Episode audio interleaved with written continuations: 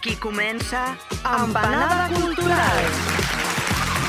Un programa cuinat per Paul Dibler, Adriano Calero, Carles Martínez, des de Ràdio Fabra.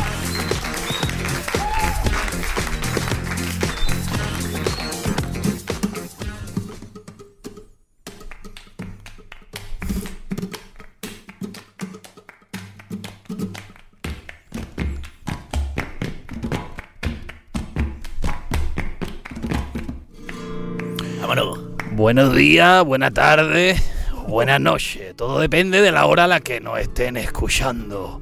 En cualquier caso, nosotros estamos retransmitiendo de buena mañana desde los estudios de Radio Fabra para todos ustedes. O buena noche, da igual. Y me imagino que se preguntarán, ¿y esa voz, y ese locutor que está hablando con ese arte, y ese porte? ¿Quién diantre es? Sabina. Que no lo habíamos escuchado todavía en el programa. La respuesta la tienen en la temática de hoy, Producto Nacional de la tierra en la que hemos nacido. Y como no podría ser de otra manera, señoras y señores, vamos a hablar de ello con una ilusión. Madre mía, qué ilusión, que no nos cabe en el pecho, señores. Vamos a hablar de cultura de la buena. Vamos a hablar de... Bueno, clar, alguns i algunes no? els hi podria semblar que eh, bueno, hem començat la, el programa d'una forma una mica estereotipada, no? Amb Quin una, mal gust. amb una imitació certament estereotipada. I curiosament, les propostes que portem avui s'allunyen molt de l'estereotip. Parlarem del thriller, parlarem d'intriga, però déu nhi la distància, déu nhi la sorpresa a l'hora de parlar de productes nacionals. Ojo, atenció a l'objectiu. Diem nacionals pentendent-no. Eh? Sobretot en un moment com el que estem vivint, on el ventall de sensibilitats polítiques és ampli i la tempesta pot esclatar amb un sol comentari. Serem més precisos. El d'avui és un especial dedicat a tres recomanacions espanyoles. El Festival de Sitges ens ho ha posat ben fàcil pel que fa al cinema i les sèries. Li vam dedicar un especial ben llarg fa poquet, però encara podem treure-li suc a l'edició d'aquest any. Penseu que a Sitges es va projectar un munt, un munt de noves produccions amb denominació ibèrica. Parlem de directors com David Casadamunt, Juanjo Jiménez, Alberto Evangelio, Javi Camino, Raúl Cerezo, que són noms que entenc que no podrien, que, que, no, que no sonarien tant, però també, evidentment, és un any, és un Sitges on eh, tots aquests noms han compartit graella amb autors de primera línia com Paco Plaza, Paula Ortiz o Rodrigo Sorogoyen. Però què seria una bona empanada sense la seva secció de còmic. Eh, no us preocupeu perquè ho tenim tot controlat i equilibrarem la balança amb una bona recomanació de vinyeta. Cine, sèries, còmics, aquest és l'itinerari per estirar sitxes, eh? un sitxes i un no tan sitxes, que encara es pot espremer un poquito más, un poquito más. I sí, és un itinerari de propostes espanyoles, ei, com el xoriço o el xiringuito, però sabeu què? En el fons tant se val. Què més dona d'on siguin les propostes, espanyoles o no espanyoles? Les comentarem per la seva qualitat, per la reflexió que estimulen. So it better not to me, de Churran de Merina, i parlar de la cosa per separar. Així que d'una banda toca plorar la mort de George Dan, d'una banda, eh? No, no, no, no mesclem les xurres amb les merines, com hem dit, que ens ha deixat recentment, ens ha deixat més d'hora que tard, i d'altra banda, desgranem algunes de les millors propostes culturals d'aquest 2021. I una última cosa abans de començar. Us hem preparat un petit, petit, extra, petit per arrodonir-ho tot. El podeu descobrir al final del programa. No us ho perdeu. Bueno, el Carles ja ha fet el menú del dia. Molt bé! bravo, bravo. Esa! Eh, el- el- la sorpresa final es un tablao flamenco aquí en el que se van a unir. És, todos, és un eh. nou rap canyí. Eso, eso. Dos cosas, tío. Cada día Dispara. te pareces más a Basas. O sea, puede que yo esté ahí con el.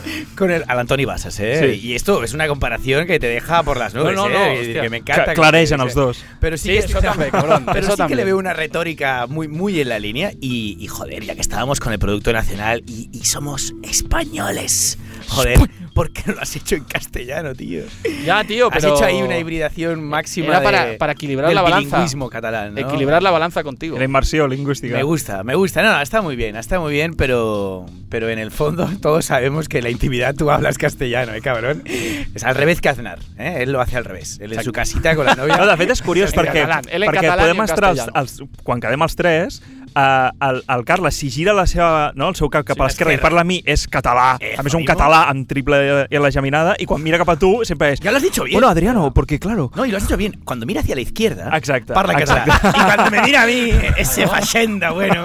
Como Dios Pues en manda. castellano, en español, joder, Exacto, en exacto. español. Es verdad, tío, nos has ahorrado o, la, la agenda, pero nosotros somos gente de, de raíces, ¿no? Sí, de sí. estabilidad, de, no, no, no sabemos funcionar sin la estructura, un poco como los alemanes, ¿no? Realmente así. Uri lo tiene muy en cuenta porque siempre lo sabe muy bien, lo puede confirmar porque siempre recibe todos los audios, todo el texto como los alemanes, ¿no? Perfectamente. Un mes antes, ya, Sí. ya sabemos, ya planificamos el año. Pero, pero això, bueno, la- això és com a les feines que et diuen, per quan és això? Ah, això és per ahir. Per ahir. Pues, a, a, nosaltres som per demà. Nosaltres per, per demà. Tranqui, ja llegarà, ja Pero llegarà. ¿Qué os parece entonces si, si damos paso a, A las redes. social? A las Molt redes. important. Molt bé, Bàsic, Adriano. Basic. Redes, si es, si es un día como el de hoy, Producto Nacional, redes. ¿no? Redes, de pesca. acuerdo. Pues vamos a las redes y después a la agenda, claro. Ens podreu trobar a Facebook Empanada Cultural, Twitter Empanada Cultura sense L, Instagram Empanada Cultural, tots els podcasts a Spotify i els videocasts a YouTube.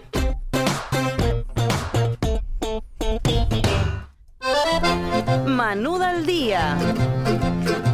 Senyores. Aquí teníamos que haber Pero- recuperado, más que la tarantela esta italiana, teníamos que haber recuperado el, Que vuelve la copla. el menú aquel que teníamos en los gazpachos, ¿no? Ahora no recuerdo si era un menú bastante castizo, sí me suena. Ah, sí, sí, Me no. suena que era un Sí, menú sí, muy sí. castizo. De hecho, estaba pensando antes de meternos en faena que, joder, tenéis un humor muy distinto, ¿eh? Los dos. Me hace gracia porque siempre tiráis por las editoriales cómicas. Bueno, no, no siempre, no siempre. Cuando, cuando el Basas está más fuerte por las mañanas, no le dejas. Pero, joder, hostia. Jo soy más british, ell és més Esteso Pajares, crec. Exacto, hoy, hoy al menos lo ha sido. Pero Una y dos. Pero como, eh, como este Una, señor- dos, i avui portes... Eh, Tres, exacto. Yo llevo una película que se llama Tres, señores.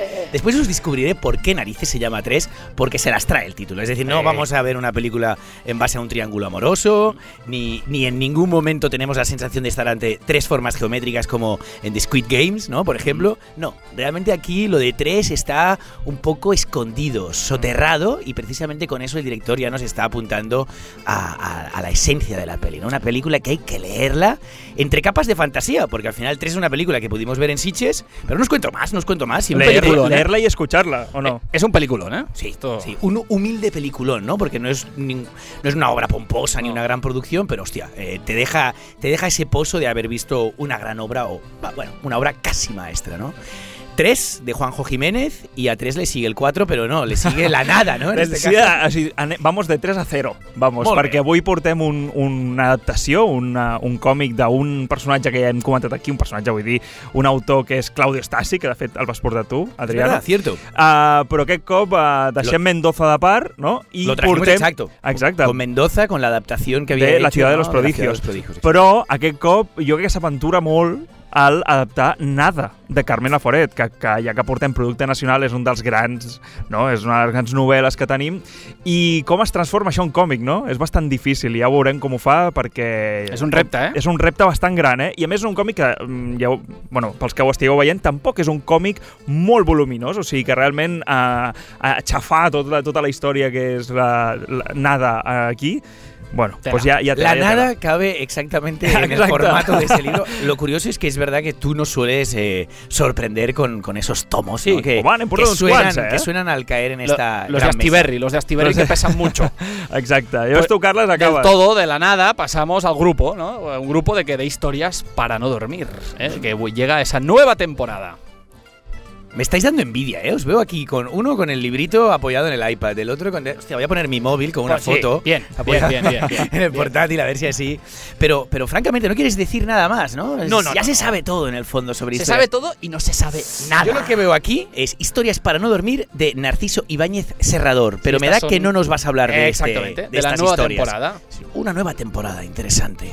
Oye, y quizás, como has comentado en el, en, bueno, en tu editorial menú, eh, haya una sorpresa, ¿no? La- la- la- Sí, exactamente. una sorpresa de que Un extra. es decir, la sorpresa será que pretendemos acabar en una hora el programa, una hora y diez, y será una hora y media, ¿no? Al final. Porque sí, Esperem os no. intentaré hablar un poquitito, ens faré 5 cèntims del Asian Film Festival. Ya sabéis que tras el empacho de Sitges siempre hay la posibilidad de seguir con grandes comilonas hasta llegar a, a las Navidades, y en este caso grandes comilonas cinematográficas, ¿Eh? eh, en el marco de esos 25, 20 27 países que están representados, 27 países del continente asiático que están representados en esta Pues que 5 cèntims, décima edición 5 del Asian Film i Festival. Asian Film Fest és, és el gran oxímoron Sí, de- de- sí, d'avui. pero me, me encantan los retos. Me encantan los 5 retos. yens. Por vale, favor. pues venga. Vámonos. Cinema.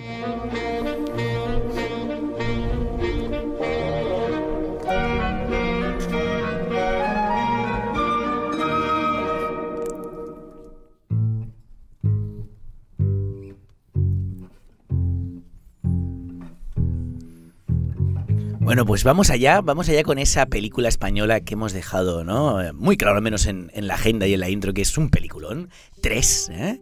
Y es una película, además, de ser buena, un tanto inusual, un tanto inusual para, para formar parte de este marco de producción española, muy original. De hecho, recuerdo haber leído por algún crítico que cuando se presentó en la Mostra de Venecia, en el Festival de Cine de Venecia, porque venía de allí, pasó por Venecia, después Sitges y ahora las, las salas, las salas comerciales, estreno del 5 de noviembre de este fin de semana aquí en las salas comerciales de Barcelona, ya lo decían los críticos que había sido sin lugar a dudas la película más original de aquel festival, ¿no? Claro, cuando te enfrentas a Sitges la originalidad es casi impuesta, es casi obligatoria. Pero me gusta, ¿no? Esta, esta manera de entender la película como una peli que puede estar tanto en la Mostra de Venecia, eh, con ese perfil quizás más lírico, más cultureta, más de cine de autor, y pasar a un, sí, a un marco de cine de autor, pero dentro del fantástico, de lo terrorífico como es Sitges. Es decir, es una peli que puede jugar en esas dos ligas. Y es una peli además... Aquí lo hemos demostrado, no nos engañemos porque hemos traído buen cine español y como comentabas en Sitges, hostia, los directores y las directoras eh, españoles también han demostrado un gran saber en, en la manera de hacer cine. Y, y español, cine español, que muchísimo. Hoy va la palabra español, va a salir mucho, ¿no? Y mucho español. No, llama, la, llama la atención. Que quede claro, pero escolti, par parlant en català, eh, sisplau. Eh, es una película que además demuestra que, precisamente con esa etiqueta, ¿no? que el cinema español es molt dolent perquè ningú se'l descarrega, eso no es cierto. Eso no es cierto. Hay mejor torre. Hace tiempo que lo hemos... Punto es. Hace tiempo que creo que lo hemos demostrado, ¿no? Trayendo algunos ejemplos de películas, como por ejemplo la, la- la última que, traji- que trajimos española era la de mm, eh, Chavalas, que no era un peliculón ni mucho menos, pero una peli que estaba bastante bien. Y como os decía, eh, puede que en Venecia simplemente se llevó la etiqueta de la mejor película o la película más original por parte de algunos críticos, pero es que en Sitges sí que se llevó un premio. ¿Eh? Es decir, bien avalada por los premios, señores. I gros, eh? Y en este caso estamos hablando del premio Méliès d'Argent ¿no? o de plata. Que si os digo la verdad, y voy a confesar esto aquí en, en- en directo, sí, en el riguroso directo, eh, no tengo ni puta idea de qué coño va este premio. Es decir, tiene mucho prestigio. Cuando oímos Méliès, evidentemente conectamos con Georges Méliès, pero ¿qué narices es el Méliès? Porque creo que además es un premio que se lo dan hasta a nuestro colega Paul. No, jo, oro, no, ¿eh? jo no el tinc, jo no el tinc. Ja el tindràs, ja, no et Jo- preocupis que ja el No, tindràs. no, no. Jo, jo, o sigui, hem estat nominats tres cops, però no, no, no hem guanyat. Però uh, el Méliès, o sigui, vindria a ser... Són els premis europeus de, de, de fantàstic, de ciència-ficció o terror, però sobretot d'això, de, de gènere, no? Són Vale. els festivals...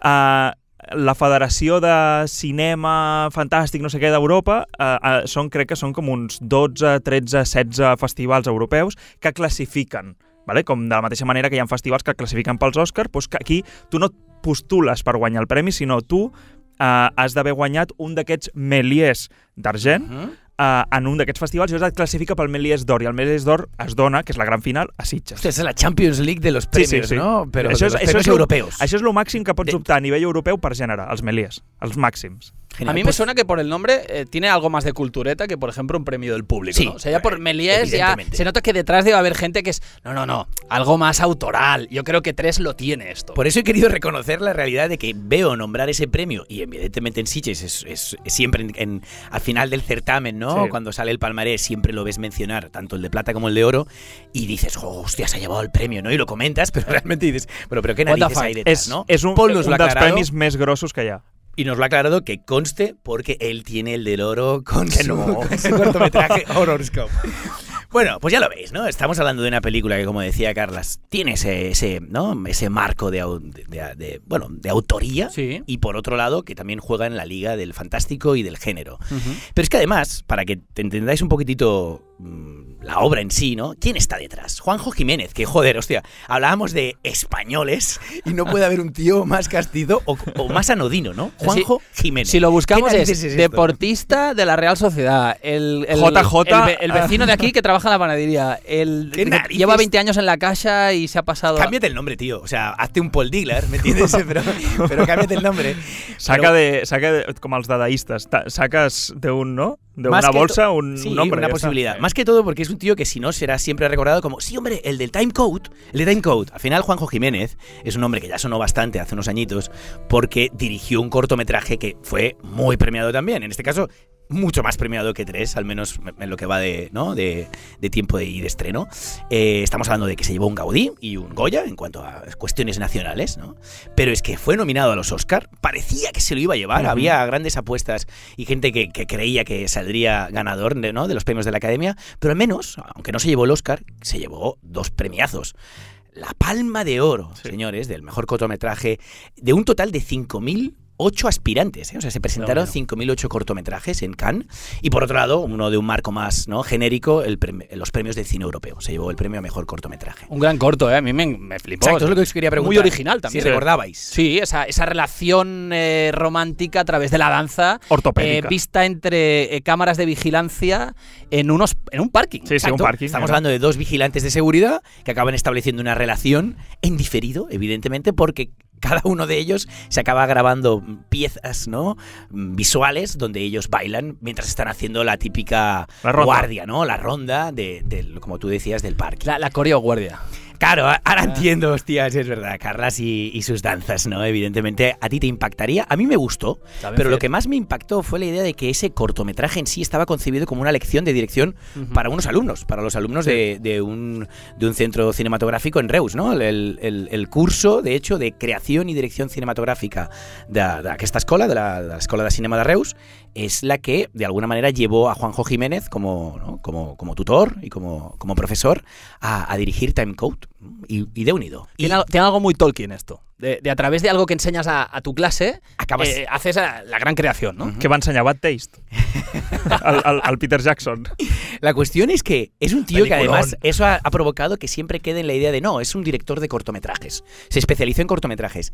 Cierto es que tenía una ópera prima eh, que pasó bastante desapercibida, creo que hace más de 20 años, y ahora vuelve el largometraje. Además, el- el- es muy gracioso porque dice: Tres es mi segunda ópera prima, ¿no? Entonces aquí jugamos un poquitito con, con los numeritos, pero Bueno. es que es cierto, porque de alguna manera, pasados tantos años, parece que Juanjo Jiménez llegue ahora con su gran ópera prima. També et diré una cosa. La segona pel·lícula oficialment es considera òpera prima encara, eh? ¿Sí? Sí, sí, sí. serio? Aunque Per- hayan a- pasado 20 a- años a- entre obra y obra. Ei, Això no ho a, sabia, a, jo. A festivals i això, que jo sàpiga, una òpera prima és... Uh, o sigui, a partir de la tercera ja consagrado. Hòstia, no ho Sí, sabia. sí, sí. No tenia bueno, ni idea. Pues mira, Bueno, él es consciente l'altra cosa és que uh, depèn del festival, perquè sabeu que un curtmetratge no és el mateix a, no sé, a, potser a Cannes són 30 minuts, però és que a Sundance un curtmetratge arriba fins als 40, vull dir que aquí... Que sería un mediometraje en el fondo, Exacto. pero bueno, sí. Eh, simplemente para aquellos que queráis saber cuál es la ópera prima, al menos la del 2001 de Juanjo Jiménez, Eso. Nos hacemos falta, ¿no? así se llama, Nos hacemos falta. Eh, que yo no he podido ver, ¿no? Lo siento, así que vamos a centrarnos en la que sí he podido ver y he disfrutado muchísimo, que es 3, ¿no? Hemos- Y hemos disfrutado Hemos disfrutado, muchísimo. cierto, cierto, cierto, cierto. Pero ¿de qué narices va 3? ¿Por qué la hace tan especial, no? Eh, pues sí, mira, yo os diría que si en, en Timecode Juanjo Jiménez proponía un, un diálogo con imágenes del pasado, ¿no? Aquí estaríamos más ante un diferido sonoro. Y para que me entendáis, eh, bueno, eh, os pondré un ejemplo. ¿Sabéis cuando estamos ante, ante una noche de, tor- de tormenta, de lluvia, y miras por la ventana y de repente un fogonazo se anticipa al, típico rayo, ¿no?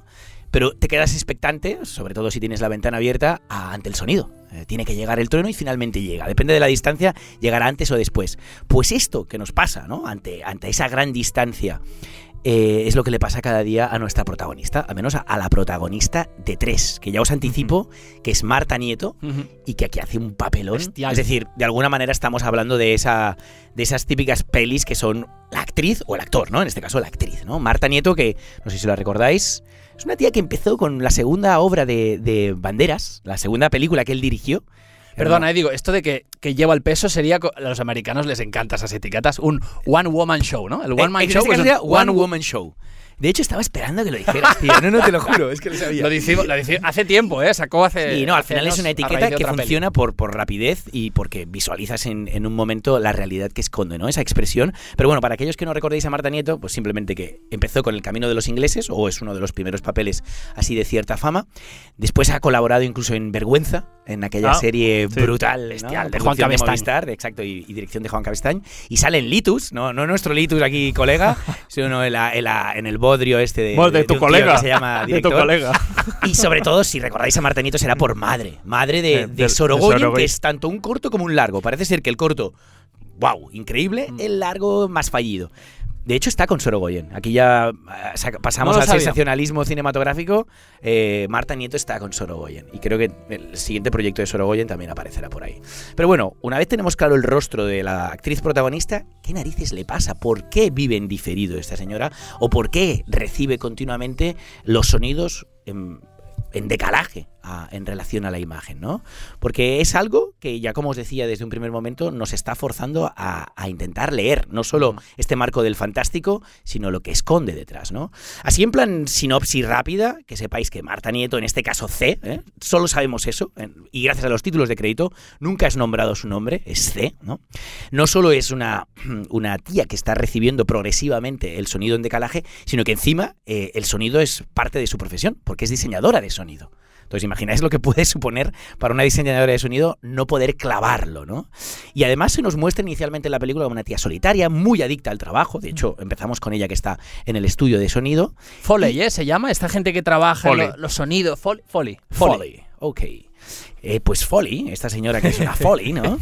Eh, en el fondo, parece ser que también viene de una ruptura emocional, pero todo es así, muy poliédrico, ¿no? Son pequeños, eh, pequeños trazos que va haciendo Juanjo Jiménez para mostrarnos la realidad de este personaje. Y, como os decía, a partir de un cierto momento empieza a darse cuenta, ¿no? Que, que el sonido le llega tarde, ¿no?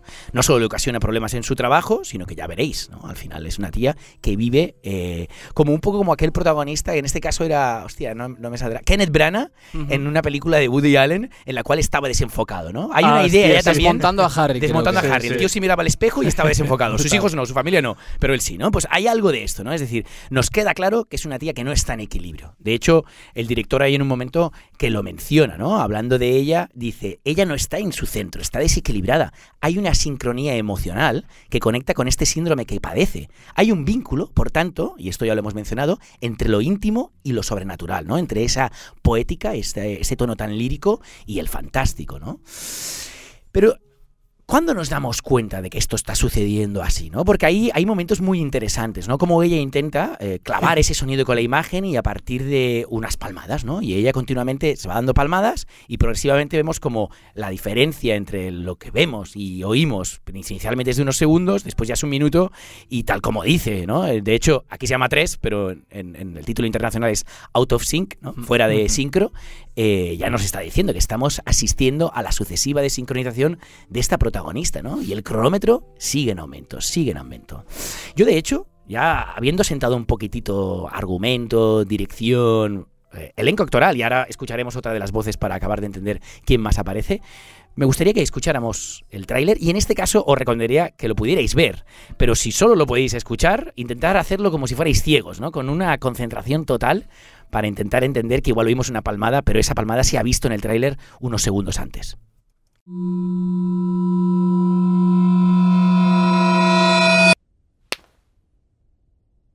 Veo que tenías visita el mes pasado, pero te la saltaste, ¿no? No has vuelto a tener ningún episodio. He tenido un episodio, pero diferente.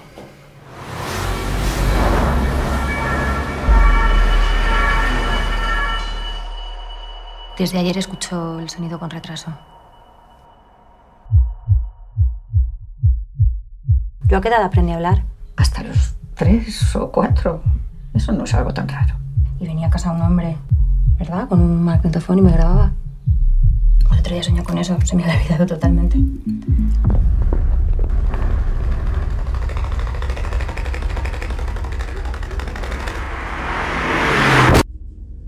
Hey, ¿te encuentras bien? ¿Cómo estás? Exacto, Miki Esparvé sería el tándem actoral de Marta Nieto, que en este caso, ¿de qué hace? Pues de Miki Esparvé, ¿no? Porque Miki Esparvé solo sabe hacer que del mismo. Es un tío flojo, a más no poder, que claro, cuando se aprovechan, por ejemplo, en la, en la nueva relectura que han hecho de Historias para no dormir, creo que hoy nos hablarás de, de Miki Esparvé también a raíz de alguno de los capítulos, hostia, pues igual se les puede aprovechar esa flojería que tiene. Hostia, pues Esparvé también sale en nada, tío. Sí, claro, no, es que ¿Te imaginas? Sería... No, realmente Esparvé sale en todas las películas de la actualidad y encima dejando, o sea, dejando a- a- al público contento por, ¿no? Porque y, y sobre todo provocando más trabajo y más trabajo y más trabajo. A mí francamente es un tío que me gustó cuando lo vi en El Rey Tuerto. Que Porque, porque va muy bien con el personaje, Estaba muy bien. pero cuando te das cuenta de que estás viendo siempre al mismo tío, un poco como, como Roberto Benini, ¿no? Pero pasa, al menos Roberto Benini es divertido y te descojonas en sus papeles, pero no, Miki Esparvé, pues esto hace de flojo. Es el nuevo Kim Gutiérrez, ¿no? Diríamos que A yo mí- lo veo como yo- el nuevo Kim Gutiérrez. A mí, a mí me hizo reír en el Rey, el rey Tuerto. Sí, pero claro, ahí pero- cuando lo conocimos, después, hostia, Ya, las distancias. ya, ya. Es que es para O sea, en Bueno, entraría sí en que pantalla una meba. En, cual- en cualquier o en caso. Reyes de la Noche. O sea, en Reyes de la Noche. Piensa que este tío hace tándem con, con el de la Torre, ¿no? Sí, Eh, Y, hostia, es que no es, es evidente que lo tiene que aplastar porque están interpretando a, a- a dos personajes radiofónicos muy distintos, que uno está muy por encima, ¿no? José María García y el Sí. otro, ¿cómo se llamaba? El de la Rosa, ¿no? Eh, El de la Morena. De la De la Morena, Morena, sí. De la Morena, ya la edad, ¿eh? Me empiezan a fallar a Reyes de la nombres. radio. Eh, exacto. No, Reyes de la Noche. La- no, no, la- digo que eran reyes de la radio. Me exacto. refería como que eran como Exacto. titanes, titanes La de la radio radio nocturna. Y a estos dos tipos se lo llevaron a esta serie reciente, bastante interesante, que es Reyes de la Noche. ¿no? Eso. Eh, sí, pues lo hemos podido ver en estas pelis y en estas series que hemos comentado. ¿no? Mm. ¿Quién es en, en la ficción? Pues es simplemente un compañero de trabajo, bonachón, con ciertas intenciones emocionales. Oye, y bien, bien, es, eh, representa la masculinidad que todos queremos para la actualidad, pero en la interpretación es un tío correcto, sin más, ¿no? Muy, muy correcto, poco más. Entonces, ¿Qué, qué- qué podemos encontrar realmente tras todas estas capas, ¿no? Y ya iremos acabando. Porque a mí es una película que cuando la vi, eh, eh, por un lado, ¿no? Me parecía muy íntima, muy comedida, muy, muy sutil, ¿no? Y al final también hay, hay una suerte de titular que el propio director Juanjo Jiménez ha ido soltando, ¿no? Eh, cuenta la búsqueda de identidad de una mujer sin nombre. O sea, es interesante, ¿no? Así como punto de partida, si fuera el titular de un artículo, funcionaría. Y en el fondo es que es lo que hay detrás, ¿no? Hay la necesidad de encontrarse a sí misma. Eh, no sé si, está, si estaríamos hablando de, de un individuo o, o la representación de la propia mujer o del género, ¿no? Pero algo hay de diálogo en esa dirección.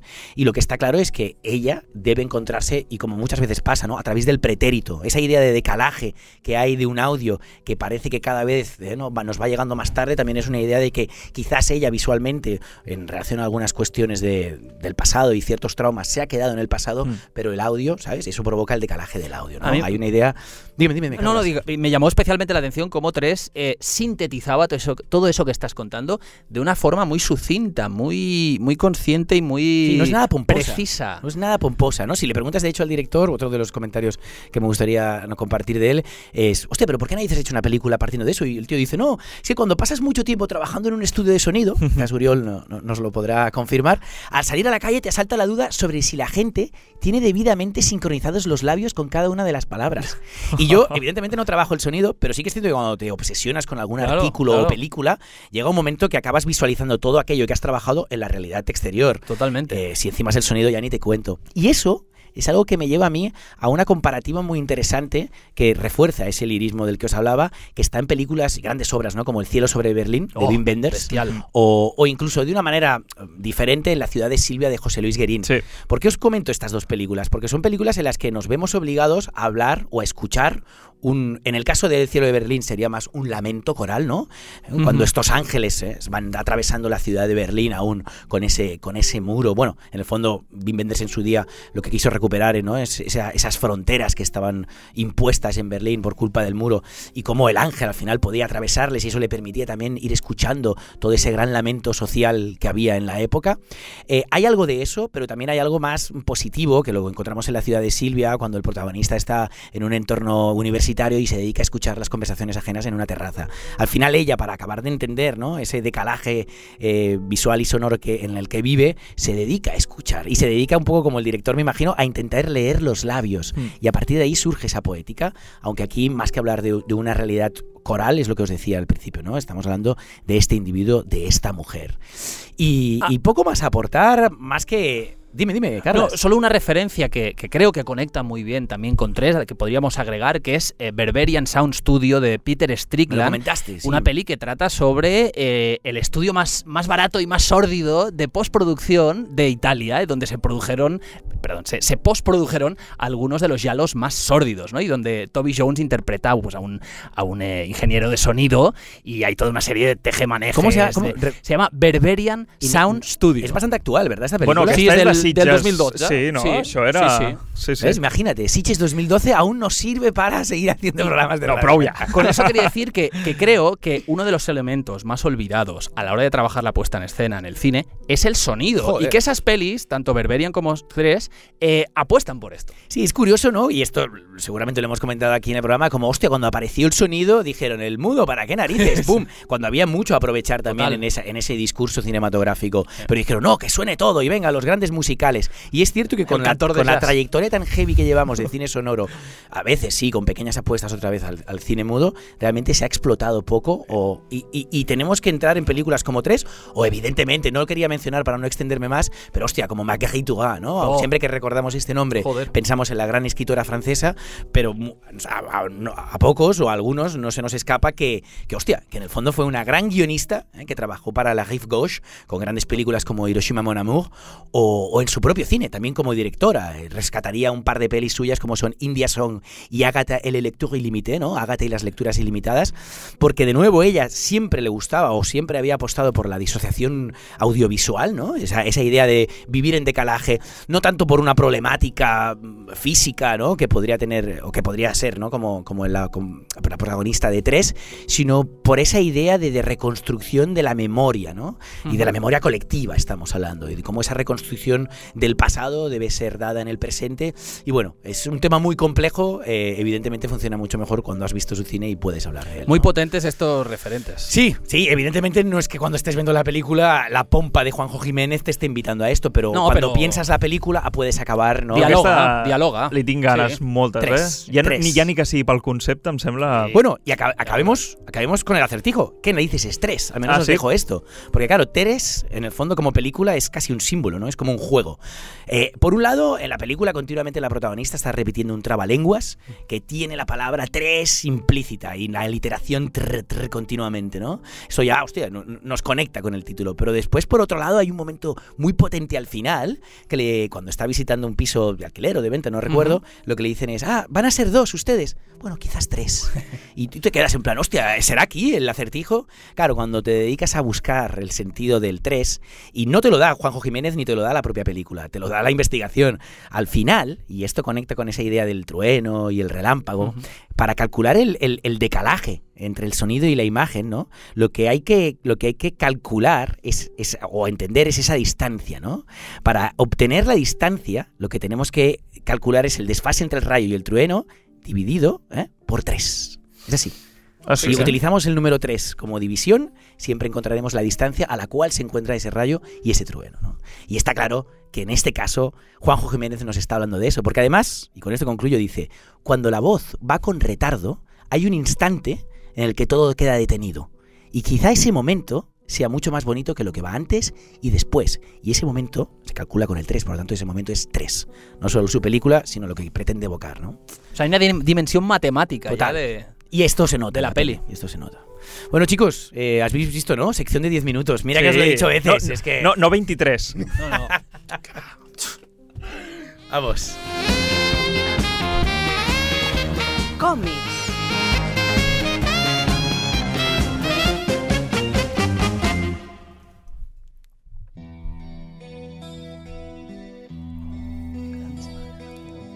Clar, perquè no, no estem parlant de Nothing. Nothing else matter. Va, és que me flipa esta cançó. Nois, avui amb, de la mà de Metallica Instrumental, que, que, que més val que, que parlem a sobre, perquè si no aquests sí que ens foten un puro, eh? Hostias. Ah, ¿No la has comprado avui- esta? avui- Comprada, tío. No, casi, casi. Eh, La instrumental, me falta la voz. Vale, vale. Um, No, avui portem una relectura d'un clàssic espanyol com és Nada, de Carmen Laforet, i, i ni més ni menys, o sigui, recordem, eh, és, un, és un llibre de 1945, o sigui, és una relectura eh, interessant que la fa Claudio Stasi, que abans hem comentat una mica en el menú del dia, però Claudio Stasi ja, ja ha sortit en, en Panà Cultural, de la mà de l'Adriano, que, que va portar la- l'adaptació que va fer Mendoza de La ciudad de los prodigios. Y este tío, perdona, eh, parece que se mueva menos en el cómic y más en lo que hemos siempre discutido aquí, ¿no? Esa diferencia de novela gráfica o novela Ah, bueno, clar, ilustrada. això podia ser l'etern debat, que ara potser jo també m'estaria fent 23 minuts de secció parlant només de el debate. Perquè, clar, nosaltres diem còmic, però sí, clar, quan és novel·la gràfica, a vegades molts cops es, es refereix a aquesta autoconclusió, una, una obra uh, stand-alone. O sigui, no? és, és un còmic amb, amb americana i corbata, Sí, no? sí, però amb les dents corcades igualment. Saps? sí, doncs Claudio Stasi aquest cop eh, s'agafa a Nada, de Carmen Laforet, i eh, és molt interessant que hi hagi entrevistes de com, de com va arribar a les seves mans aquesta idea. I, i no li va arribar a ell, sinó que va ser ell que li va regalar a la seva dona, li va regalar el llibre de Nada. Però, però com qui regala, segurament va ser com toma, uh, lee. no? Avui Sant Jordi, toma. Eh, Sí, exacte. I la, I la dona, al llegir el llibre, va dir Tate, que esto es bueno, tío. Hay que adaptar. Hay que adaptar esto. Habla con tu editor. I llavors el tio va anar, a- va anar a parlar amb l'editor, també se'l va llegir i va dir hombre, pues quizá estaria bien. Llavors, va, surt d'aquí, o sigui, surt de- de- de- de- d'aquesta relació amb la literatura, però eh, conyugal, no? Es decir, surge de una doble propuesta femenina, una propuesta Sí. original literaria Sí, ¿no? exacte, y una propuesta en este caso de, de su mujer. Exacte. Claudio Stasi, por cierto, que es un italiano ya afincado en Barcelona, afincat, afincat a Barcelona i, i a més és professor de la JOSO, o sigui, de Ah, l'escola de còmic o novel·la gràfica, depèn de com ho vulguis dir, però de, de la JOSO, sí, sí. I, i el millor és que aquest còmic l'ha escrit en ple confinament. Hòstia. És un còmic que es va es- escriure, dibuixar, perquè ell és autor en el sentit allò que a vegades parlàvem de el espanyol, l'autor espanyol de còmic, que és mm, alhora autor i dibuixant, no? A vegades, no? Pues, o sigui, guionista i dibuixant, no? En aquest cas és el mateix. Però, eh, clar, ha estat eh, fet en confinament i això es nota molt, i jo crec que li ha anat molt bé, perquè si recordareu Nada, pels qui l'hagueu llegit, doncs, vale, doncs Nada mm, tracta molt aquesta claustrofòbia, aquesta angoixa d'estar tancat a una casa, un, a un pis, més que una casa, un pis de la Barcelona de postguerra, no? I, i jo crec que aquí també hi ha un, bastant una inspiració, sobretot ja ho veurem després en pa- paletes de colors i tot, però es nota molt aquest rotllo ah, saps, com tancat, com aquest confinament, no? Allò d'estar atrapat a dins de- d'una localitat i dir, buah, necessito sortir, però és que potser el sortia fora, a la Barcelona d'aquella època ja veurem, que potser, bueno, hi ha alts i baixos, Home, no? dona, mo- dona molt de joc aquesta idea de la feminitat atrapada en un context domèstic, no? Jo crec que s'ha vist, mira, amb l'art, ¿no? Podríem entrar aquí amb Renoir, ¿no? Esa mujer encerrada en una habitación con un canario enjaulado que es ella misma, ¿no? Esa, esa, Pues ese aquí- simbolismo. Aquí ve, aquí ve Això, perquè la pròpia sí. família... Eh, expliquem una mica què va, pel Sí, qui no... sí, sí, sí. qui no. Uh, Andrea és, és la protagonista i és una orfa que ve de... vi- Vindria a ser del pueblo a la ciutat, no? I a la, a més a la gran ciutat, no? La Barcelona de- d'aquella època, però és una, la Barcelona molt, molt cosmopolita, molt enorme, no? Venint sobretot d'un poble, no? Llavors, um, és aquelles històries de que ella entra a la vida barcelonina com a infant i en surt d'adulta, no? Per dir-ho així, aquest canvi és, és una història existencialista, és una història d'aquestes de, de superació, però sobretot és una, una, una història de palos, o sigui, de palos eh, psicològics, no? De, de que rep aquesta Andrea quan arriba a Barcelona amb, amb, amb que és aquell afant no? de, de ser algú, no? O sigui, hòstia, anem a la gran ciutat, anem a estudiar, ella eh, rep una mena de beca per, per estudis de lletres, llavors és com una, com una intenció de, de créixer com a persona, no? I, i potser el que es troba és un, és, eh, és un creixement o no, però és una, eh, jo crec que és eh, el, els pals aquests que us dic, no? és un punt de que la, la personalitat minva, no? et sents ninguneada, et sents esquifida, Però no? com a dona o com a persona? Perquè, vull dir, el marc històric del que Ambes, estàs parlant ambes. eh, dona per, per Ambes. imaginar no només una dona Sí. sofrint, no? sinó Sí, sí. l'ésser humà. No. Evidentment, com a dona encara més. Sí, sí, a més ella aquí també entra... Eh, eh, hi ha aquest punt no, de la recerca de l'amor i a més dels primers cops, inclús el primer petó, aquí s- ho, ho il·lustra molt bé el, a, a l'Estasi, però... Has dicho beso y la guitarra Ja, ha ja. animado. ¿eh? Lo tenías calculado, sí, sí, sí, cabrón. Està perfecte. El Però, però, o, o com es barreja aquesta idea de l'amor eh, de l'amor pur, no? de l'amor platònic amb el tema del maltractament, i potser no un maltractament, per qui l'heu i llegit ja sé per on va, ja sabeu per on vaig, però eh, és aquest maltractament també de, de, de, de tus seres queridos, és a dir, d'aquesta gent que tu el reps un maltractament ja no de parella, sinó familiar, i tu veus uh, rebre uh, maltractament a dins d'aquesta família. Per Vale. això us dic que és una família que, que està... O sigui, hi ha bastanta gent, ara, ara entrarem, però abans, nada. Uh, la última frase del llibre, i també, òbviament, eh, surt en el còmic, que és la de la casa de la calle Aribau no me llevaba nada. Al menos así lo creía yo entonces, no? O sigui, és tota aquesta experiència, de fet aquí sí que uh, hi ha aquesta contradicció, no? De, bueno, al menos así lo creía, o sigui, sí que t'emportes, no? Al final hi ha un creixement, l'experiència... El mismo trauma, ¿no? Que Exacte, no? Exacte. Tota, tota aquesta experiència te l'emportes com una motxilla que bueno, et pot passar més o menys a la vida, però, però sí, sí, aquí, aquí es nota molt. Llavors entra, entrem a aquest, a aquesta mm, Sí, casa de locos. a Aribau, Sí, sí. però si ja m'estàs dient Aribau, bona família, no? Aquí, aquí, aquí. Arriba una bona Perquè família, realment aquesta és una família... O sigui, ara sembla el, el camarote. Los ar- a, més, de los hermanos Marx, eh? Y también dos I huevos, dos huevos duros. duros. Per què? Perquè mm, no per la quantitat només de gent, sinó que en aquell pis és una bogeria el que arriba a ser de condensat tot i de, i de les parets és que notes com que és un lloc... No et dic estret, perquè és, com bé dius, és, eh, ells venen d'una família més o menys bien, no? Uh, també de postguerra, o sigui, també els ha afectat molt tot això, però, però estem parlant de Juan, o sigui, eh, bé Juan és el, un dels tiets, Angústies és la tieta, Glòria, que és la dona de Juan, però a més és, és la pelirroja despampanante, joven, però que li cau malament a tothom. O sigui, òbviament menja Juan, no? Bueno, però Juan aquí ve el maltractament. O sigui, Vale, Juan vale, vale. la defensa a tota costa perquè és com un poco la bohèmia, um, és una mica la noia aquesta um, que surt per les nits, no? que hi ha aquesta con condició de què està fent en, en el llibre i tant al còmic també de- judici, va, no? va, es volca desgranant, va desgranant què va fent, Ah. no? Però tota aquesta mirada molt... Bueno, el que podríem dir a postguerra o ara, no? Però, però aquesta mirada de què haces, no? D'on Ah. vas, no? I tot això. Després trobem a Roman, que és l'altre germà d'aquests de, dels tiets de l'Andrea, no? Que és el músic bohemi, és el més tarat, puto loco, perquè és un tio que allò d'un dia per l'altre et, et, fot una bufa o, o, ta- o, o, o eres su musa, no? Vindria a ser i l'àvia, que vindria a ser la, la, que, la cohesió, no? la que cohesiona, la, la que... Allò, matriarca, otra no? És la no, no, però és, la, matriarca. però és la, la que ho permet tot, és la, la bona, és la que va darrere l'Andrea en plan, no, no, um, en plan, els altres, clar, és un desastre, o sigui, allà el dia a dia és hòsties, és crits, és de tot, i És que l'abuela sí. és la més... La que posa pau. Sí, és sí, que és sorprenent que hi visquin a un mateix apartament tiets, no? Perquè entenc que l'Angústies no té a veure... O sigui, són, són germans... Són, són De primer germans. terme, no? Sí. Joan Angústies i Román, no? Eh, Sí. eh, Sí, són, Són tres germans, Són tres no? germans, més l'àvia, més la Glòria, que és aquest, La aquest personatge que és... L'Angústies i el Román no es casen, no? La idea que això? angustia sean cinco. angustia. No, i llavors després hi ha un altre personatge que aquest és extern de la casa, que és Enna, no? que és la, aquesta, aquest personatge que és l'amiga amb la que estudia Andrea i que més endavant anirem veient que té certa relació o vol tenir certa relació amb cert familiar d'Andrea i allà és una locura perquè òbviament és, és un despropòsit veure com la vida perquè penseu una cosa, per Andrea la vida fora del pis és la bona vida, és la vida de l'estudi, és la vida de conèixer els amics d'Ena que són mm, bohemis, és aquesta bohèmia de, de la Barcelona, dels Llibertat, pintors, no? de, dels, Finalment és la dels llibertat, poemaris, no? Exacte, no? I, i quan Ena eh, s'incorpora a la vida familiar, aquí hi ha un cataclisme, no? I, i, es, I això està molt ben il·lustrat en el còmic, el cataclisme, no? Tot, a, tot el rotllo aquest, no? Eh, hi ha moltes històries, òbviament hi ha política, amb el tema dels nacionals durant la guerra, el, traïcions... De però tot any, molt perdona, eh, Pol? De quin any estem parlant de postguerra? 45. Es, es diu 45. bueno, tot això es va narrant a 40s, vale? Els 40s, 40 llargs, sobretot, d'acord? Sí, recent, Sí, recent. sí, sí. Llavors, eh, hi ha molts moments que...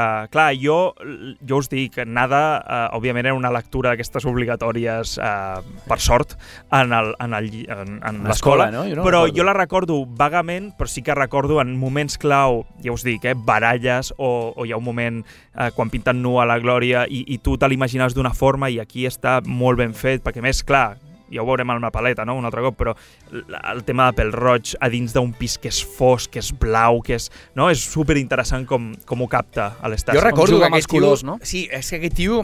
O sigui, tenia moltes queixes de l'adaptació que havia fet de, de, de, De Ciudad, de los Prodigios, sí.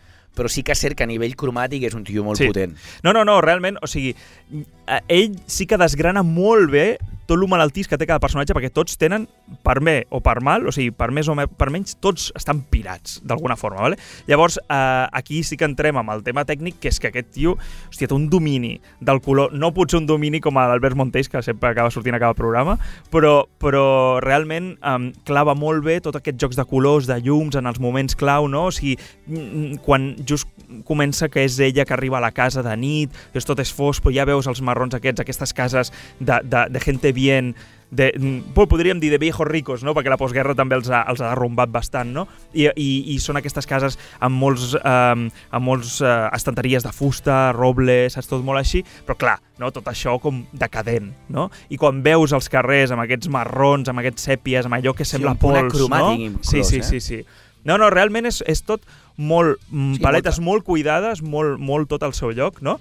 Uh, on el que trenca més és, a part dels moments d'universitat, que potser és el lloc més amb més color, i, i les cases aquestes bohèmies, uh, és Glòria, no? aquesta pèl roja que, que intenta uh, bueno, trencar també hi ha un, hi ha un punt com sembla que sigui aquell eh, l'emblema de que vaya a romper la família, no? Yo siempre que pienso en Rita Hayward, ¿no? Allí, Mm, eh, sí. en medio de la oscuridad, ¡boom! Sí, sí. Ilumina. I el que hem dit que reflecteix superbé l'angoixa, segurament propiciat pel confinament del, del Covid, però, però l'angoixa, aquesta claustrofòbia a la casa, no? I, i, i ja, també us dic, sense avançar molt, però al tras final hi ha un moment que és un, un final molt tràgic, um, i està molt ben il·lustrat. Aquí, realment, me quito el sombrero, perquè Stasi ha fet una, una feina bastant interessant. Sí que és veritat que hi ha un parell de punts que a mi potser m'han fallat.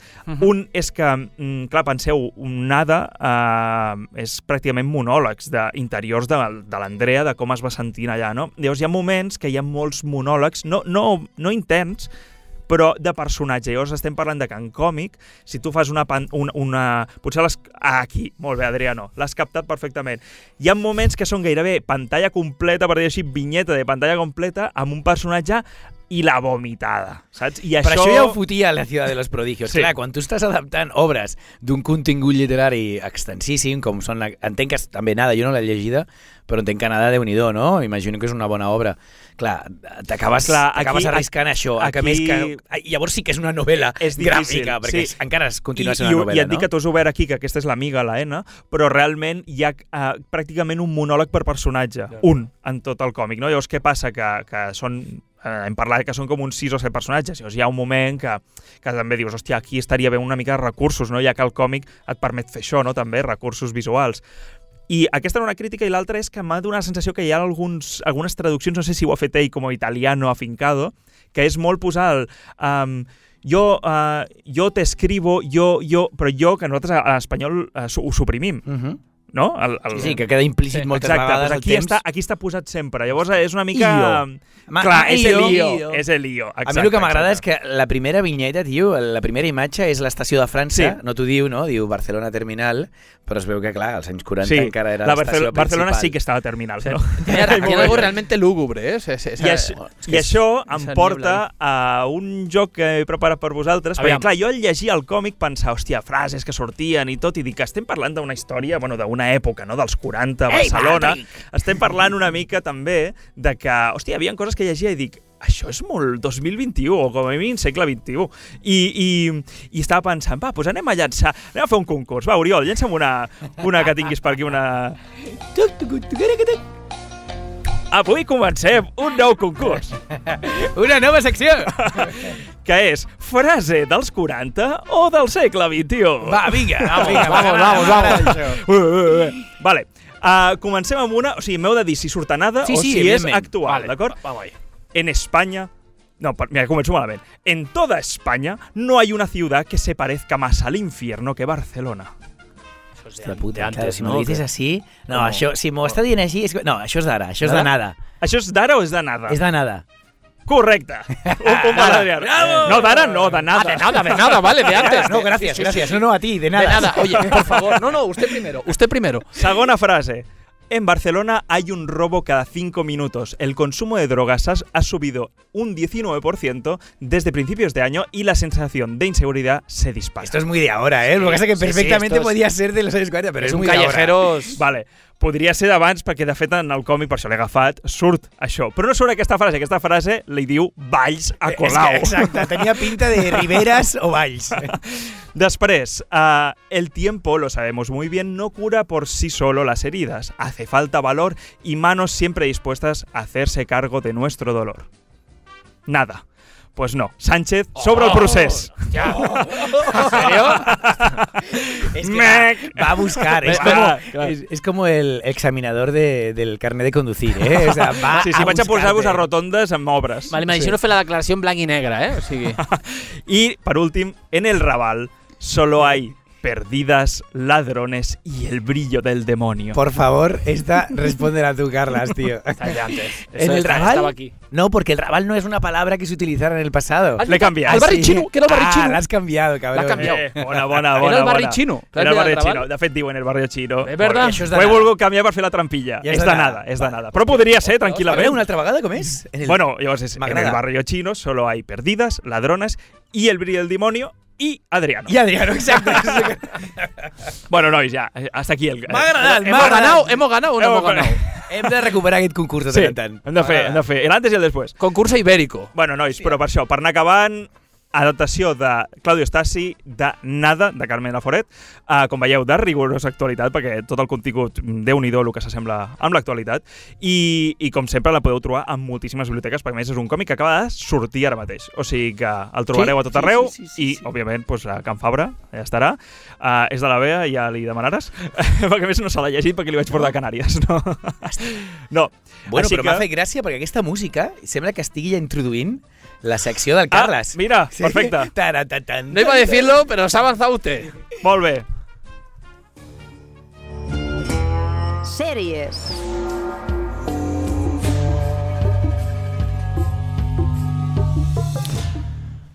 Bueno. A veure, és a dir, quina, per vosaltres, pregunto, eh? quan aneu a clapar, quina és la dinàmica? És a dir, agafeu el mòbil, esteu mirant pues, una, les xarxes, us agrada llegir una novel·la, no? O, o una novel·la gràfica, o, o aneu tan destrossats, arribeu tan destrossats a casa que dius, hòstia, mira, és que em clapo directament. Que responda Paul, por favor. Jo, jo arribo a casa i cuido el nano de Es- esa- Exacto, es que yo os quería decir, mi vida ya no es vida, o sea, ahora todo pasa por mi hijo. Ahora es poco yo, Entonces, yo y- leo un cuento y, y aunque haga ya una hora que, que esté durmiendo, tengo la necesidad de volver ahí, Ajá. acariciarle, darle un besito. Eso es lo que me da ganas de, de ponerme a su lado a dormir. Es La así imagen de Liberto. No, yo me, yo me hincho a porros antes. No, no, i, i damos fe. Clar, jo crec que encara que t'emportis, escolta, la millor novel·la del món, o la millor novel·la gràfica, podria ser nada, perfectament. Que inclusivo, eh, está conmigo. Hombre, por favor, por favor. bueno. És que, clar, tanto cine, tanto cine, tantos festivals, i los que van a venir, l'objectiu crec que sempre és el mateix, no? que és quedar-se eh, clapat i descansar el millor que es pugui. Llavors, avui parlem d'una sèrie que pretenia tot el contrari. I diem pretenia perquè és una de les grans sèries de la televisió espanyola. Històries para no dormir de Narciso Ibáñez Serrador.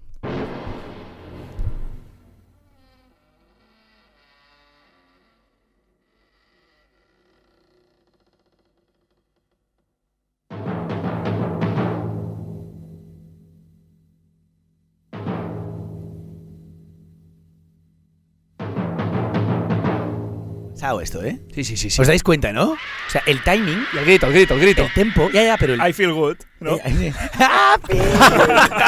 Perfectamente. Podria ser un històries per a no dormir. Funky, anem a posar una mica, una mica que, que connecti amb, amb aquest so tan retro i la música, evidentment, també estereotips els que vulgueu perquè tingui aquest punt sinistre. Eh? Ja, ja anirem escoltant alguna música de fons. Llavors, ràpidament posem-nos en context. I per això eh, parlem del Chicho, però encara no parlem d'aquestes històries per a no, dormir, que l'Adri té ara aquí el DVD de la temporada original, vale? Llavors, parlar de el Chicho, parlar de Narciso Ibáñez, és parlar d'un dels grans genis de la petita pantalla. Sí. El creador de programes que van revolucionar la tele a finals dels 60, principis dels 70, amb programes com 1, 2, 3, Responde otra vez, que és el concurs de la famosa carbassa animada, que cada dilluns reunia a les famílies al menjador de casa aviam qui endevinava la pregunta cultural de la setmana o quina prova d'habilitat, una mica a la manera d'un Gran Prix, havien de superar els participants. Bueno, res, programa. res millor del que acabem de fer nosaltres ara. No, no, o sea, vamos, por No, favor. De fet, ells es van copiar de nosaltres. Exactamente, no, no, van la letre. Somos una empanada van la letre.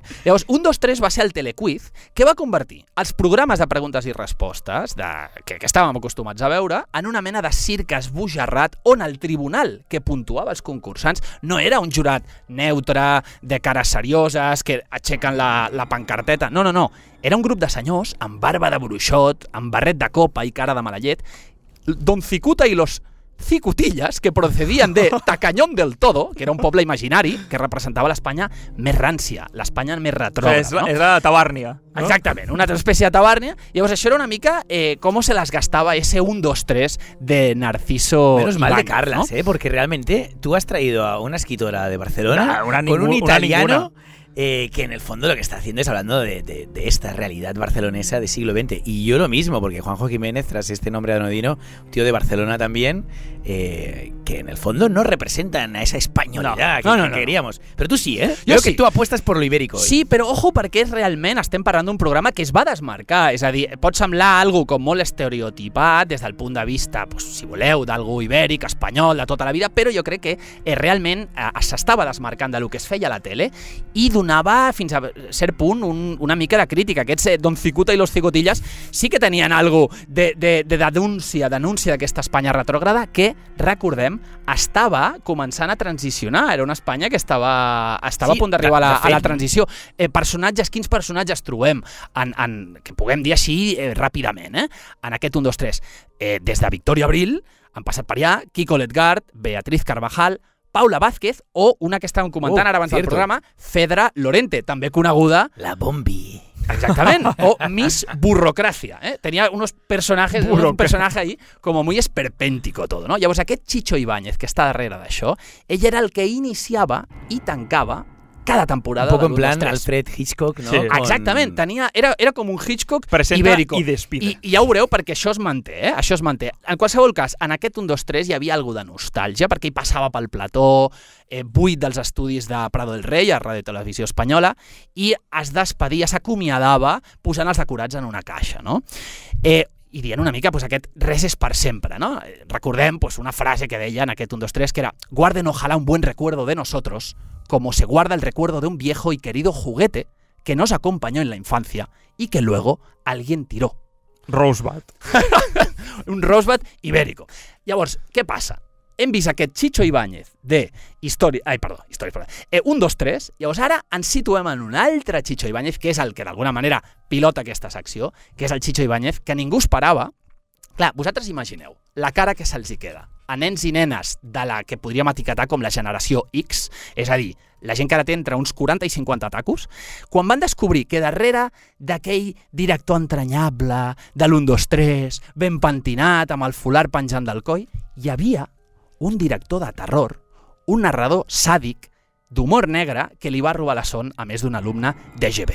Aquest és el xitxo de programes com Mañana puede ser verdad, una sèrie fantàstica que adaptava la- relats de Bradbury, Bradbury, perdó, o de Heinlein, el de Starship Troopers, el, el, el de la novel·la que després va fer la pel·li, Starship Troopers. Aquest és el xitxo també de Mis terrores favoritos, que, com, com tu has dit, Adri, aquestes presentacions tan Hitchcock aquí es veuen molt clarament perquè presentava pel·lícules de terror des de La matanza de Texas, La profecia, eh, La invasió de los ultracuerpos, totes aquestes pel·lícules sortien a Mis terrores favoritos i, evidentment, aquest altre xitxo és el de Històries per a no dormir, una sèrie que aquest cap de setmana estrena nova temporada a Amazon Prime Video. ¿Es este fin de al final? Este fin. Puertas que se abren lentamente o de golpe. Me refiero a la vieja puerta que daba paso a historias para no dormir. A ver, que me ha pasado una cosa muy rara, ¿vale? Llámame si puedes, ¿vale? Esto es delicado siempre, Vaya, mírame, mírame, mi amor. Me estoy hundiendo, cariño. Todo está en tu cabeza, Adrián. es un hombre. Ahora solo tienes que sacarlo fuera. Tenemos que hacerlo, Andrea. No hagas nada de lo que puedas arrepentirte después. Marquesita, de broma. De broma, Marquesita. ¿Crees en Dios? No, ¿Recuerdas tus sueños? no. Pero tienes pesadillas. Sí.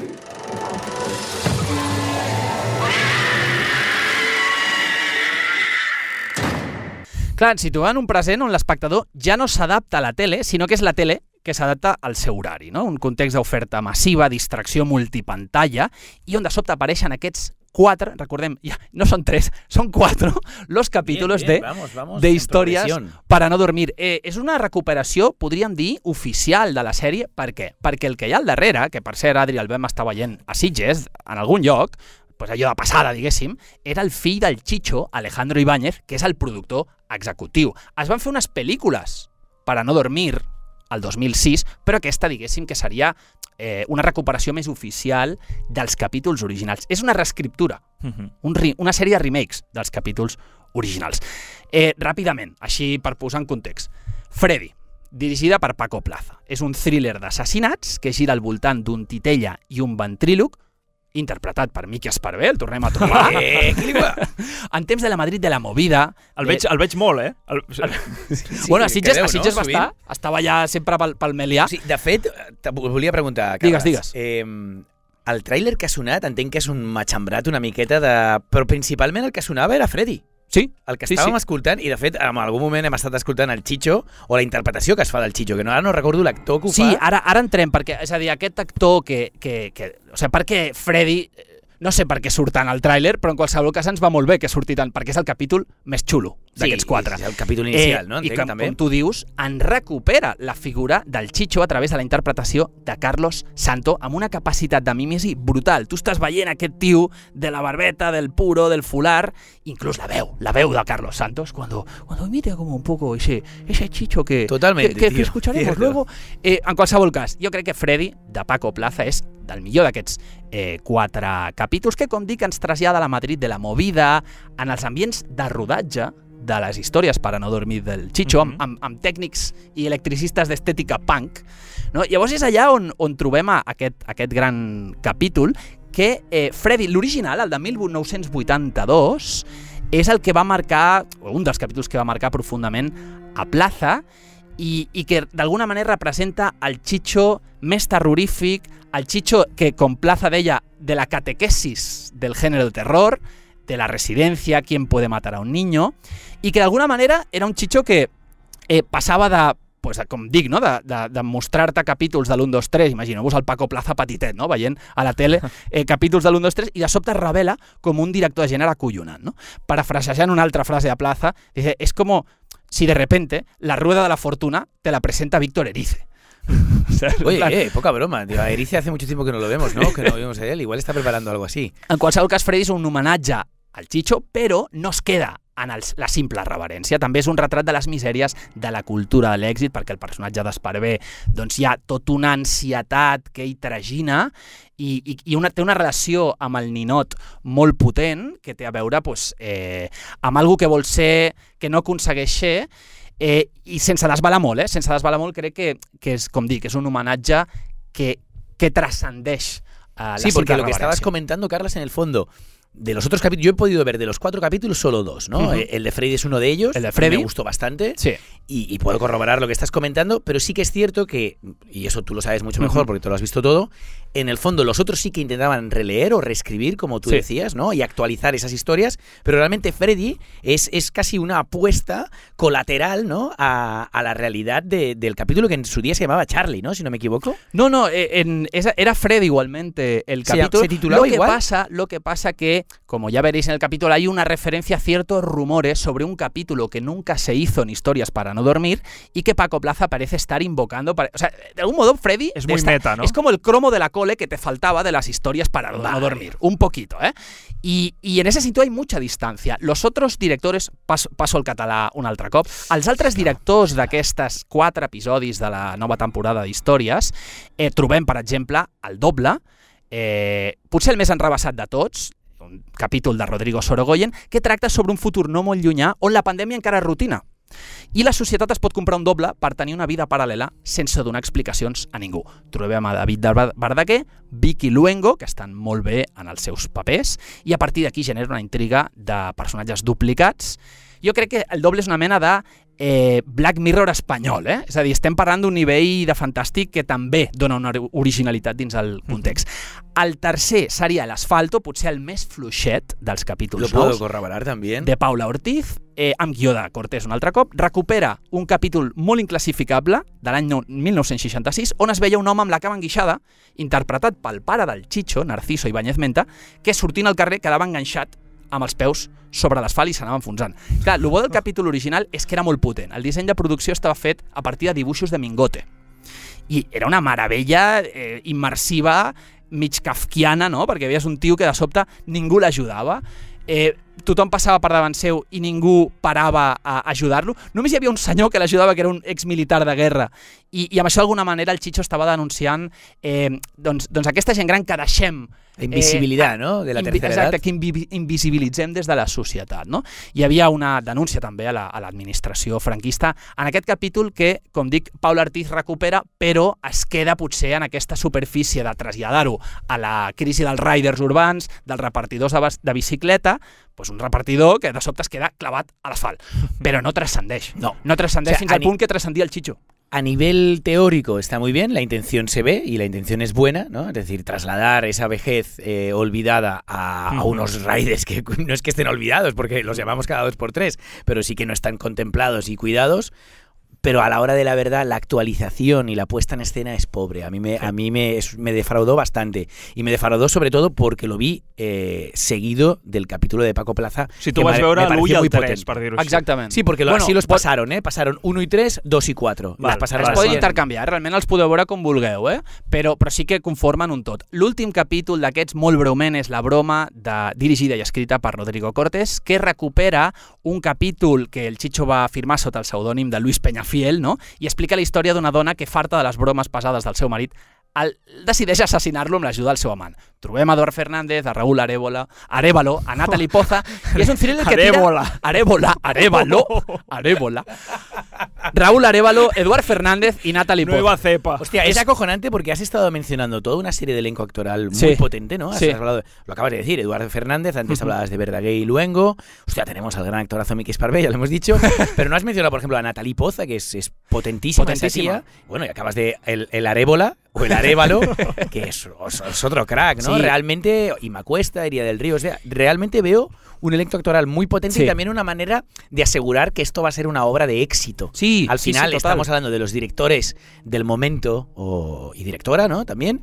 Y, y a los actores y actrices, ¿no? Y entonces, que, que, que supon, ¿no? O que conforman este cine español de calidad. Y realmente, eh, o sea, hay una apuesta muy clara ya, que de hecho que esté Amazon detrás y lo podamos ver. ¿Has dicho el fin de semana? Sí, este yo fin de estaba, semana. Yo pensaba, o sea, cuando dices el fin de semana, ¿es el sábado, es el domingo? Es... Bueno, realmente se estrena el viernes. Este viernes eh, se puede ver a Pasado. eh, sí, porque realmente Claro, claro. eh, Ayer, tengamos en ayer, cuenta el- antes de ayer, ¿no? antes de ayer. Exactamente. Eh, Durante el fin de semana Somos, podéis somos como, como descubrir- tres. sí. Somos como tres. Ah, Fem el tenemos- programa avui, pero se escucha el domingo. Tenemos, tenemos que hablar con, bueno, el, el- el jefazo de todo esto, ¿no? Un tal Cristian, tenemos que hablar con él, tenemos que empezar el directo ya, ¿eh? no, no puede ser.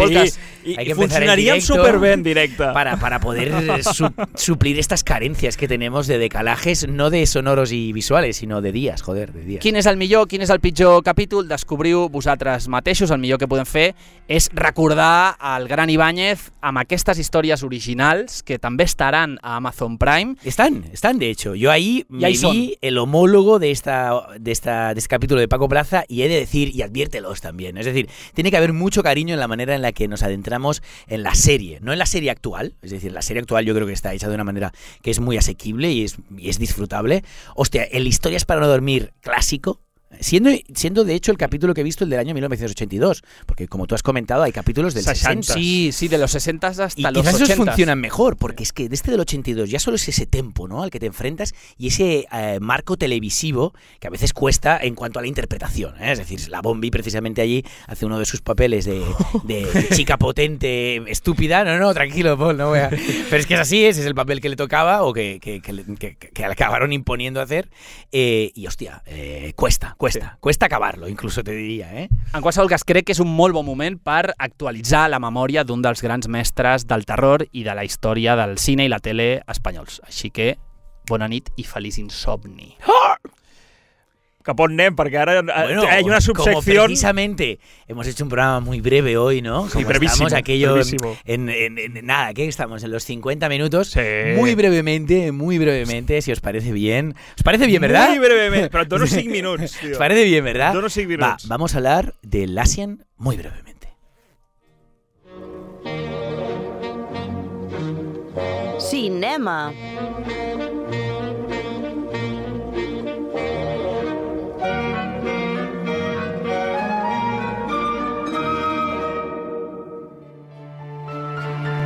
Poco tiempo y precisamente por eso eh, aquellos que estéis viendo el programa estaréis viendo también parte de la programación de este festival. Los que no simplemente estamos escuchando esta música tan evocadora, ¿no? Que nos permite un poco pues entender eh, qué mueve este festival. Estamos hablando de unos 100 títulos, ¿eh? 100 películas de unas 25, 20, he dicho antes, ¿no? 27 nacionalidades que representan, que conforman esta realidad asiática. Y es un festival que, como os decía también hace un, hace un rato, está en su, no sé si es la décima edición, pero como mínimo empezó en el año 2011. Yo no me pude sumar en esa época, pero me sumé a partir de hace unos 5 añitos y no, no puedo evitar seguir yendo y sobre todo molestar aquí a mis compañeros con una extensión del programa. Porque ya Sitges no es, no es ex- Claro, extended no, claro, version. es que, pero esa es la gracia, ¿no? Al final estamos, hostia, Sitges es un, es un programa no de Primera Liga a nivel mundial, pero de segunda sin lugar a dudas. Y ante el Asian Film Fest estamos en, en un festival humilde, de carácter local, pero que, que mueve mucha ilusión y que sobre todo nos ofrece un escaparate. Al final es una ventana a lo desconocido, ¿no? Un, un- un desconocido que cada vez está más presente, no nos vamos a engañar, ¿no? Es decir, esta globalización a veces no- nos está borrando las fronteras, ¿no? Las difumina, pero a la hora de la verdad, cuando nos enfrentamos a piezas artísticas o cinematográficas, nos damos cuenta que no, que todo lo contrario, no tanto por la idiosincrasia que se muestra en estos cines, sino incluso por la manera en la que se ruedan estas películas. Cuando tenemos suerte, porque no siempre es así, no siempre estamos ante una gran obra, ni estamos ante una obra puramente asiática, pero sí que es cierto que entre toda esa gran programación acabamos encontrando muchas veces la diferencia de este cine y, no solo la obra o el argumento en sí, sino la mirada que nos ofrece. Pero bueno, como este programa al final sale eh, de- excesivamente tarde, seguramente muchas de las películas que comentaré eh, ya no se podrán ver, pero sí que es... Las habrán borrado ya. No, no. Lo que está claro es que no habrá programación vigente, pero está clarísimo también, por otro lado, que muchos de estos títulos, ¿eh? como os comentaba, ya llegan a nuestras salas comerciales por suerte, y si no lo han hecho ahora, llegarán en cuestión de meses, ¿no? Y de hecho, la música que está sonando precisamente es, es una música de Schumann, ¿no? Pero a la hora, de, a, a la hora ¿no? En el marco de, de este festival es la banda sonora, o es como el leitmotiv sonoro, de una película que ha dado mucho que hablar y que ya está dando que hablar también aquí, porque estaba en el marco del Festival de Cine Asiático, pero es que también está ya estrenada desde el 5 de noviembre como 3 en, en, en las salas comerciales barcelonesas, ¿no? Estoy hablando de La Rueda de la Fortuna y la fantasía de Ryusuke Hamaguchi. Es un tío que no, yo no sé si lo habéis escuchado. Hamaguchi, ¿os suena? O sea, yo lo único que sé, por Cannes creo que pasó por Venecia. No, ese tío está por lo general en todos los festivales y en este caso la de la fortuna es más berlinale. Y luego Es está la de. Drive My Car, que creo que también Cannes. es suya. Vale. Es Cannes. Eh, y por lo que he estado escuchando, muy buenas. Yo cuando veo que todo el mundo se deshace en elogios y Carlos Boyero es como me salí de la película, digo, esta película Esa hay que verla. Esta película hay que verla. De la que se sale Bollero, esa es la que hay que ir a ver. Hostia, lo de Hamaguchi es curioso, porque Hamaguchi es un tío que ya hace años presentó su ópera prima Pasión en, en Donostia. ¿Vale? En la Cinema al Día. Y, a mí me pasó totalmente desapercibido. Y de hecho, eh, tiene una obra en filming que es una serie de tres capítulos, ¿no? Que, aborda una realidad de, cuatro amigas, cuatro mujeres de mediana edad, muy, muy interesante. Pero nos estamos yendo posiblemente a las seis, siete horas de obra. Está con- concebida como una gran película, pero está presentada en filming a través de estos tres capítulos. Y, por lo, y como tú estabas comentando, ¿no? Can en este caso con Drive My Car, una adaptación de un relato de Murakami, y después La Rueda de la Fortuna y la Fantasía en la Berlinale, ¿no? Premiadas ambas. Eh, y estamos hablando de dos películas que son del mismo año. O sea, es un tío que no solo consigue gustar, sino que consigue hacer dos obras que gustan y que son premiadas. Y hacía que- tiempo, ¿no? Que no, no hacía. no, es un tío que también va, in- va intercalando muchas de sus trabajos con guiones, con obras de Vale. teatra- teatrales. Es de- realmente es un tío eh, muy polifacético, pero que sí es cierto que como cineasta está en boca de todos, ya lo has mencionado tú. Y a mí, francamente, ahora que lo he descubierto, porque es un cineasta que venía escuchando, pero que no había visto su cine, gracias al Festival de Cine Asiático he podido ver, porque era la obra inaugural, la de La Rueda de la Fantasía, y estoy esperando a que llegue el sábado, eh, este sábado que cuando lo escuchéis vosotros será ayer, eh, para ver Drive My Car. Oh. Eh, realmente Drive My Car tardará un poquito más en llegar, pero como os decía, la primera película que he mencionado, la inaugural, ya la tenéis en las salas comerciales. Y es un cineasta que a mí me ha recordado muchísimo a Hong Sang-soo. Es decir, para economizar en tiempo, queda clarísimo que estamos hablando del Hong Sang-soo más joven y japonés. Aunque curiosamente él habla, habla de su herencia cinematográfica como, pues esto, un cinéfilo que está enamorado de las pelis de Hollywood, de Tarantino eh, o de Wong Kar Wai en Hong Kong, ¿no? Y, y películas minis de obras japonesas así olvidadas, pero él confirma que lo que realmente le llevó a hacer el tipo de cine que hace es Casabets. Hostia. Yo creo que eh, simplemente es para tirar balones fuera, eh, al menos eh, fuera de Asia Oriental, ha mencionado solo un cineasta hongkonés, que es Wong Kar Wai, porque realmente a mí me recuerda muchísimo a Hong Sang-soo en su puesta en escena, muy comedida, eh, y a la vez muy medida, es decir, muy humilde, muy sutil. eh, ¿Para qué tirar de un traveling cuando puedo tirar de un paneo? Y Muy desatada, ¿no? En ese sentido, porque Hong Sang-soo... Bueno, yo creo que hay una paradoja, ¿eh? Ahí podemos desplegar, ¿eh? Pero Sí, realmente guau, Hong Sang-soo... Cosa sí, que no jo- farem. Jo, jo Carles, recordo... no, obris, no obris però- balons que no podràs menjar. Però jo recordo veure amb l'Adri, i sí que és veritat, hi havia algú molt, molt sintètic, però al mateix temps com amb una espècie de desparpajo, ¿no? De decir, coño... Pero es que eso también está. Y te diría que incluso se siente la juventud de Hamaguchi. Hamaguchi es un tío del 78, si no me equivoco, es decir, que está rondando los, los 40.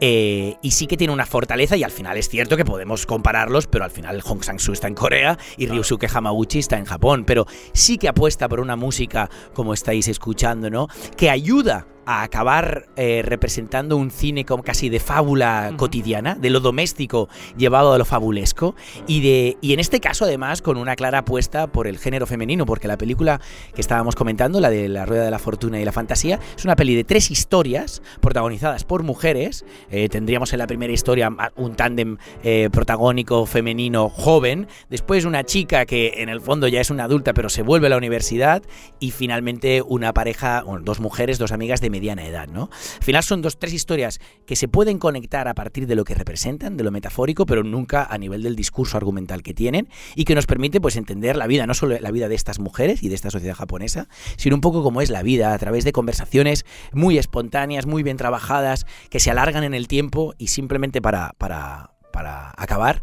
con esta película, eh, hostia, cuando nos em- empieza, la no es ni mucho menos la primera secuencia, pero el, el peso del primer capítulo está en una conversación en un coche entre dos amigas que se acaban confesando una a la otra, ¿no? El conocimiento de un, de un, de un amorío, ¿no? De una persona muy interesante.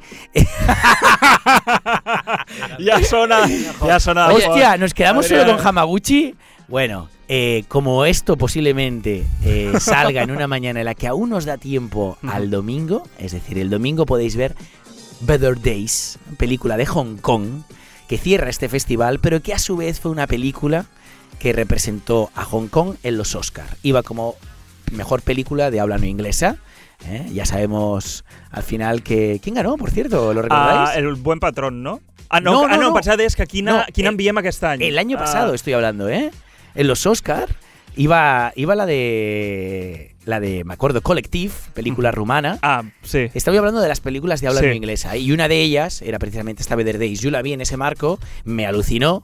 Es una película muy potente que además tiene como protagónica a una tía, una actriz eh, china que es So Zhong-yu, que es precisamente la protagonista de El amor bajo el espino blanco, Hostia. esa película lacrimógena, aunque la dejaron muy bien de Sang Jimu, y es una tía que en, que en- en- en Asia es un gran referente interpretativo y que aquí la hemos podido ver no solo en Better Days, sino en otro gran peliculón, Fire on the Plane, producción de Diao Jinan, Ojo. el del lago del ganso salvaje. Hombre, ¿eh? mi querido. ¡Oh, vaya peliculón! mi querido- vaya peliculón. mi querido Oye, me ha gustado porque de producto, llámale nacional, ibérico, da igual, ya Nos español. vamos a eh, China. al- no, Pues no, pero al final ha es trascendido. China, tío. Ha trascendido, lo hemos empaquetado y yo pienso que bastante bien. Bueno, sí, no me bastante dejan, bien. eh? Era un no programa de hora, si no- hora que si 20, no saps? Bueno, ens, todos. ens veiem en dues Ah, setmanes. no, que ara viene l'agenda. Ens, ve- no, ens veiem en dues setmanes que farem cobertura d'un altre festival que comença aquest cap de setmana, com quan escoltareu això, que és el Festival de Terror de Molins, que aquí sí que um, intentarem fer també alguna entrevista i això. Llavors ens, ens veiem dintre de dues setmanes. No, nos Ai, vemos sisplau. antes, vamos a Sisplau. tomar algo, hombre. Que No, això igual, que segur. no, que no Va, Això ens segur. escoltem, perquè a vegades, Esto a me vegades gusta. quedem nosaltres, però no ens escoltem perquè al final No, no, som aquí uns, viene cada uno a hablar unes de su libro. bajanades. Especial Terror Molins, no us el perdeu. Besito, Adeu. yo, yo traeré algo diferente. Adeu. Confiad en mí. No le hagáis caso.